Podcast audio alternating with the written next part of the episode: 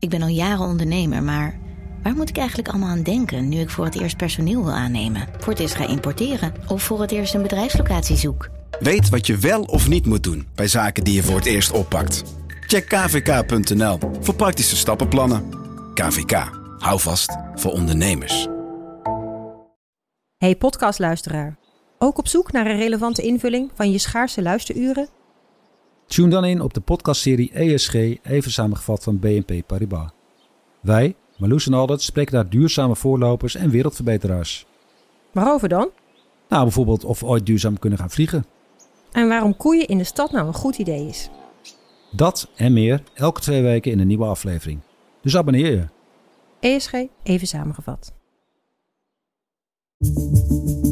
Vanaf de redactie van NRC het verhaal van vandaag. Mijn naam is Thomas Ruip.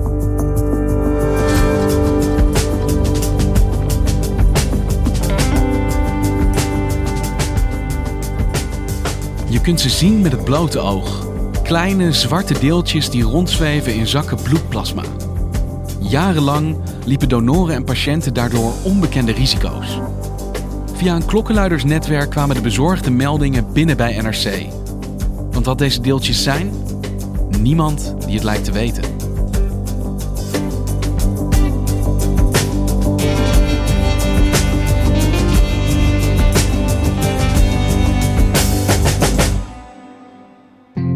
In Eindhoven heb je een hele grote parkeerplaats. Bij het ziekenhuis, het Maxima Medisch Centrum. En aan het eind van die parkeerplaats, echt een beetje verscholen onder een dikke laag loofbomen, staat hele ja, uh, tachtige jaren laagbouw. En daarin is de plaatselijke bloedbank gevestigd. De bloedbank van Eindhoven. Jeroen Wester is onderzoeksjournalist en maakte dit verhaal samen met Lisa van Lonkhuizen.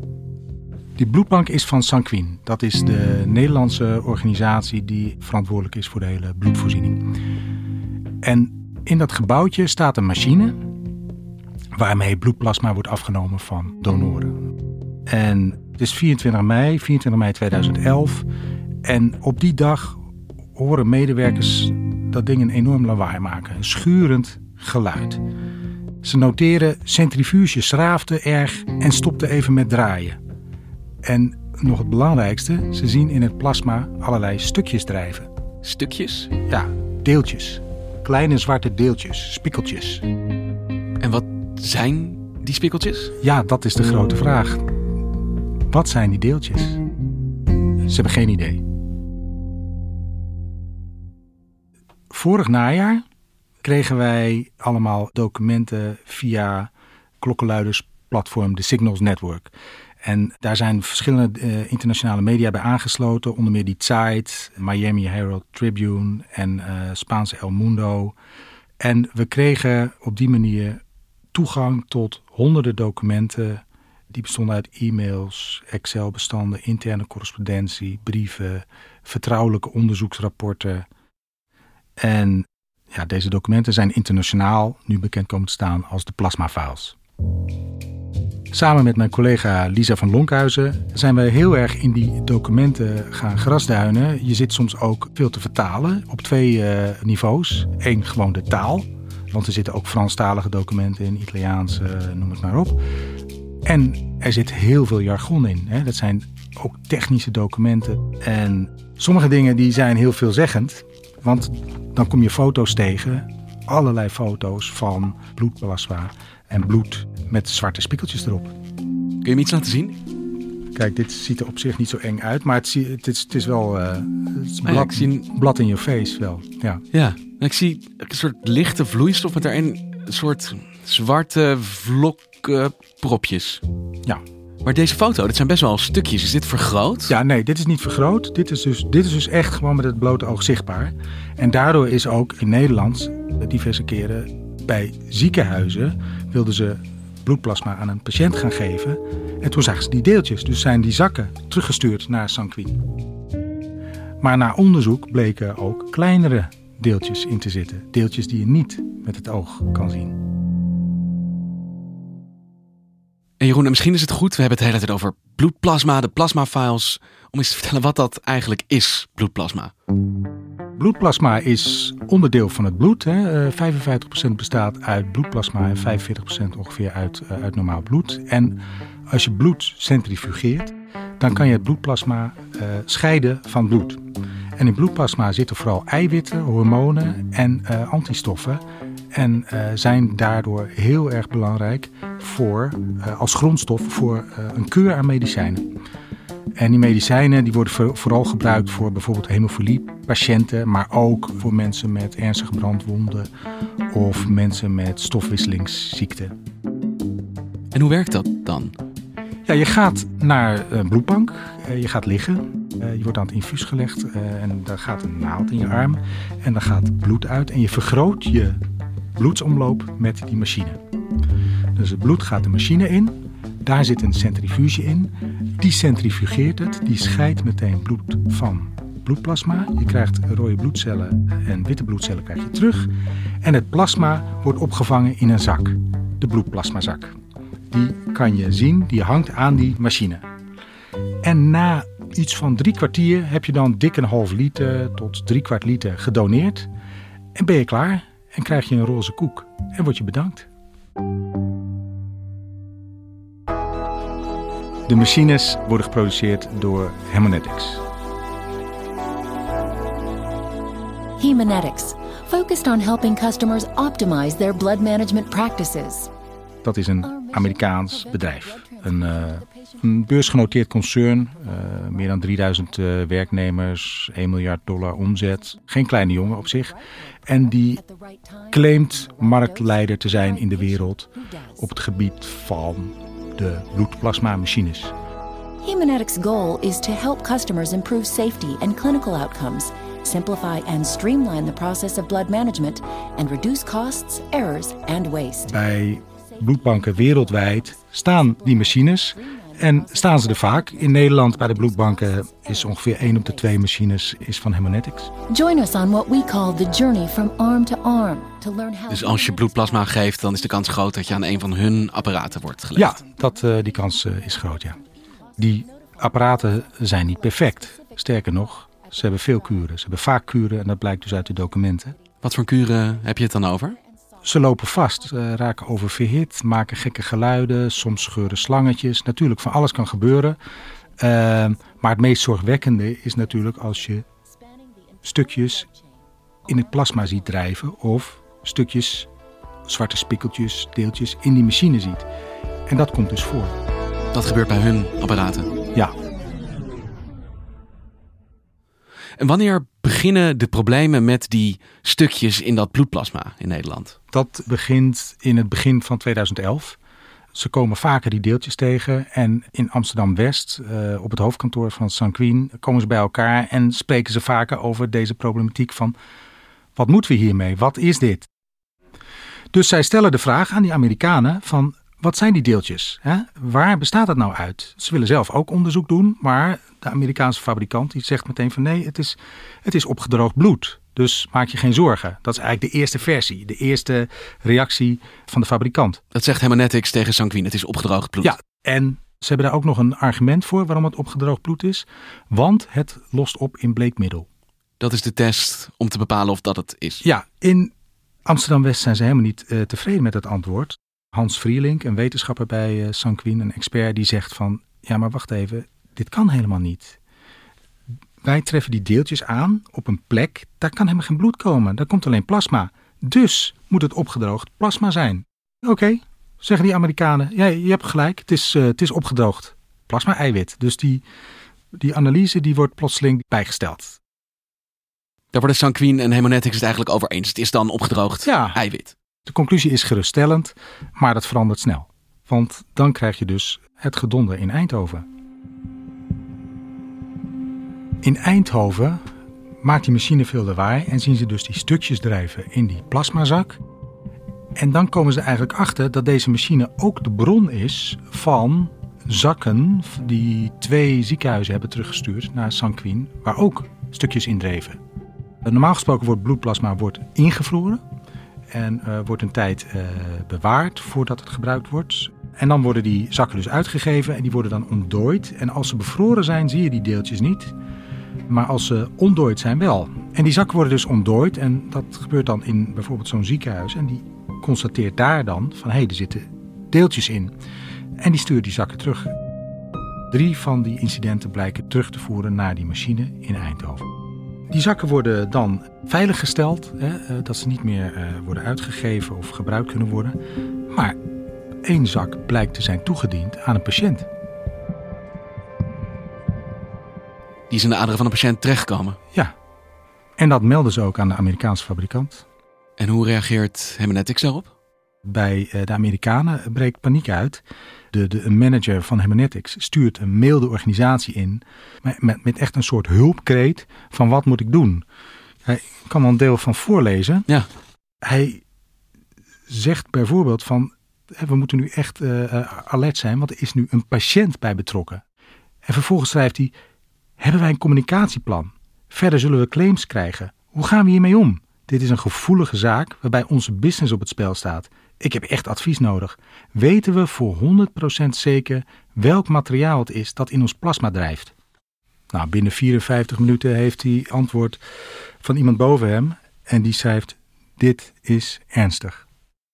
Want waarom al die onrust binnen Hemonetics als het inderdaad, zoals zij zelf herhaaldelijk hebben gezegd, het gaat om onschuldige deeltjes? Ja, dat is de vraag. Ondertussen is ook binnen Sanquin begint wel de temperatuur wat op te lopen. Hè? Want nu willen ze toch echt weten, wat zijn die deeltjes? Van welke onderdelen zijn die machines gemaakt? Ze, willen, ze gaan meer pushen van we, we willen meer weten. En bovendien zegt een uh, uh, van de managers bij Sanquin tegen de Amerikanen... Kijk, er lost wel meer op in bleekmiddel. Hè, dus het begint daar meer te schuiven. Is die test wel afdoende om te bewijzen dat het inderdaad gaat om bloed of bloedplasma? Ja, ja. Zijn het ook niet deeltjes die uit ander materiaal bestaan? En dan? Op die dwingende vraag van Sanquin, van ja, waar bestaat nou die machine uit en we willen het nu echt weten, komt al vrij snel toch het antwoord van Haemonetics, ja, het zijn niet alleen bloeddeeltjes, het zijn niet alleen plasmadeeltjes. Uh, toch niet? Nee, het zou kunnen zijn, het wordt niet uitgesloten dat het afkomstig is van de machine. Dat die zwarte stukjes dus eigenlijk kleine stukjes schaafsel van het apparaat zijn. Ja, een deel van de deeltjes is afkomstig van de afdichtingsring van de centrifuge. Maar dat is geen probleem, want die deeltjes die afkomstig zijn van die machine, die worden gewoon tegengehouden door het filter. Dus is geen probleem. En is het verhaal daarmee af? Is Sanquin dan gerustgesteld? Ja, dat zou je wel zeggen. Uh, waren het niet dat een paar maanden later Haemonetics toch met een andere boodschap komt. Want ze zeggen, ja, uh, die deeltjes zijn soms toch kleiner dan het filter tegenhoudt. Ze glippen er doorheen? Ja, ze glippen er doorheen. En komen dus dan ook in de bloedbaan van die, patiënten terecht? Die komen in de bloedbaan van patiënten. Dus komt het wel degelijk direct in het lichaam van mensen terug. Maar wederom, zeggen de Amerikanen, dat is geen probleem. Want hè, dat zijn zulke kleine deeltjes, die lossen vanzelf op in het lichaam. Niets aan de hand. Niets aan de hand. Hey, Jeroen, dan komen we denk ik wel uit op een hamvraag. Want ik hoor de hele tijd twijfel over wat die deeltjes zijn. Niemand lijkt het precies zeker te weten. Maar de hele tijd is het antwoord hetzelfde. Het is niet schadelijk. Ja. Maar is dat ook zo? Dus Haemonetics zegt dat het uh, niet gevaarlijk is. En Sanquin neemt die conclusie over. Die gaat er dus ook vanuit dat het opgenomen wordt uh, in het lichaam. Maar wetenschappers die wij hebben benaderd, die zeggen echt heel wat anders. Ten eerste zeggen zij, het is helemaal niet waar dat die deeltjes per definitie oplossen. Zeker niet. Lichaamsvreemde deeltjes, die lossen niet per definitie op in het lichaam. ik heb met mensen gesproken, met, met een hoogleraar uh, uit Groningen, Barbaro Melgert. Die, is, uh, die heeft veel kennis van microplastics. Jacob de Boer, Vrije Universiteit, ook uh, microplastics expert.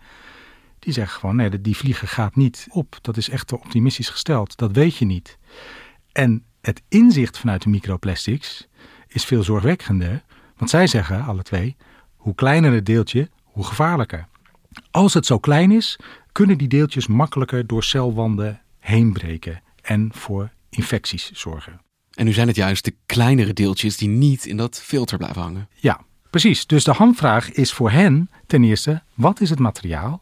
En hoe vaak gebeurt het en hoeveel is het? Maar dat dus die deeltjes automatisch worden afgesproken, dat is gewoon echt, dat is gewoon echt niet waar. En er bestaat ook helemaal geen onderzoek wat deze deeltjes op lange termijn voor een uh, donor betekenen.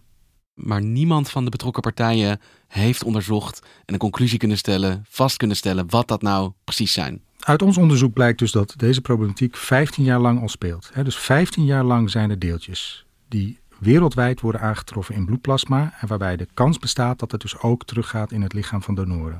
En nog altijd weten we niet wat daarvan de risico's zijn. We weten daar niet van wat daar de risico's zijn.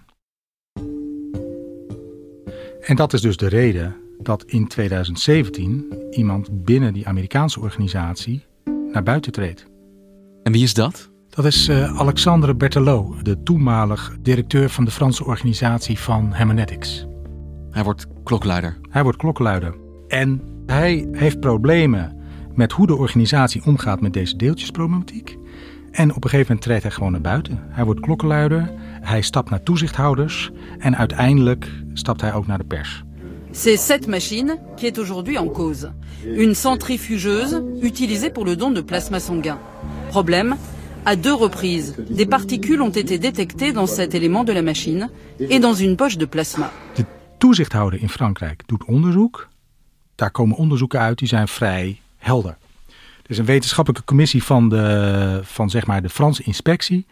Die constateert, er zitten hier metalen in, er zitten hier onduidelijke stukjes in. De risico's voor de donoren en patiënten zijn onvoldoende onderzocht. De fabrikant kon ons niet goed vertellen waar de machine van gemaakt is. Wij kunnen de risico's niet goed inschatten. Als dit zo blijft, adviseren wij deze machine te verbieden. En als er dus in 2018 weer allerlei deeltjesincidenten in Frankrijk zijn, worden alle machines van Haemonetics in Frankrijk stilgelegd. Depuis septembre 2018, les machines de prélèvement de plasma de la firme américaine Immonetics sont interdites d'utilisation en France. En hoe wordt er vanuit Nederland gekeken naar die Franse beslissing? Op zich, wat wel bijzonder is, is er zijn ook bijvoorbeeld in 2013 en 2014 zijn er weer nieuwe problemen geweest met deeltjes in Nederland. Dat is niet gemeld bij de inspectie. Waarom niet? Omdat uh, je alleen dit soort incidenten hoeft te melden als een patiënt of donor in ernstig gevaar is. Dus de inspectie weet ook niet dat deze incidenten hebben plaatsgevonden. En waarom is dat relevant? Omdat in 2018, als die Fransen zeggen: we hebben een probleem met deze machines hè, en die worden in de band gedaan, wordt in Nederland eigenlijk geconcludeerd: ja, we hebben geen meldingen van incidenten met deeltjes. En zij zien ook geen reden om in te grijpen of de machines uit de handel te nemen of sancties op te leggen of uh, andere maatregelen te nemen. Geen meldingen betekent geen reden voor actie. Precies. Maar geen meldingen betekent niet per se dat er niet toch problemen zijn. Nee, want kijk, juridisch geredeneerd, Sanquin kan terecht juridisch zeggen: ja, maar dit was niet meldingsplichtig. Nee, en de inspectie zegt weer: ja, wij hadden, het is een soort cirkelredenering.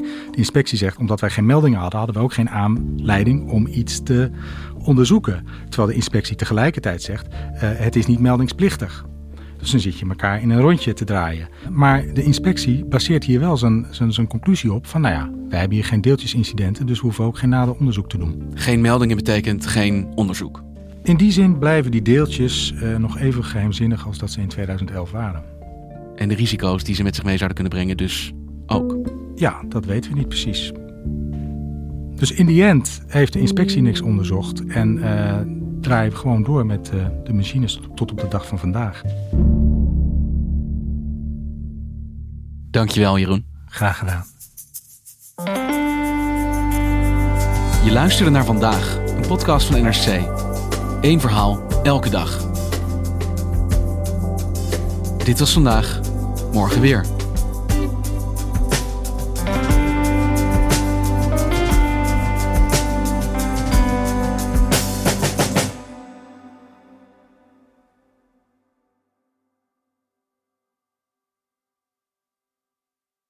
Technologie lijkt tegenwoordig het antwoord op iedere uitdaging. Bij PwC zien we dit anders. Als we de potentie van technologie willen benutten, kunnen we niet zonder een menselijk perspectief. Human-led, tech-powered noemen we dat. Ga naar pwc.nl.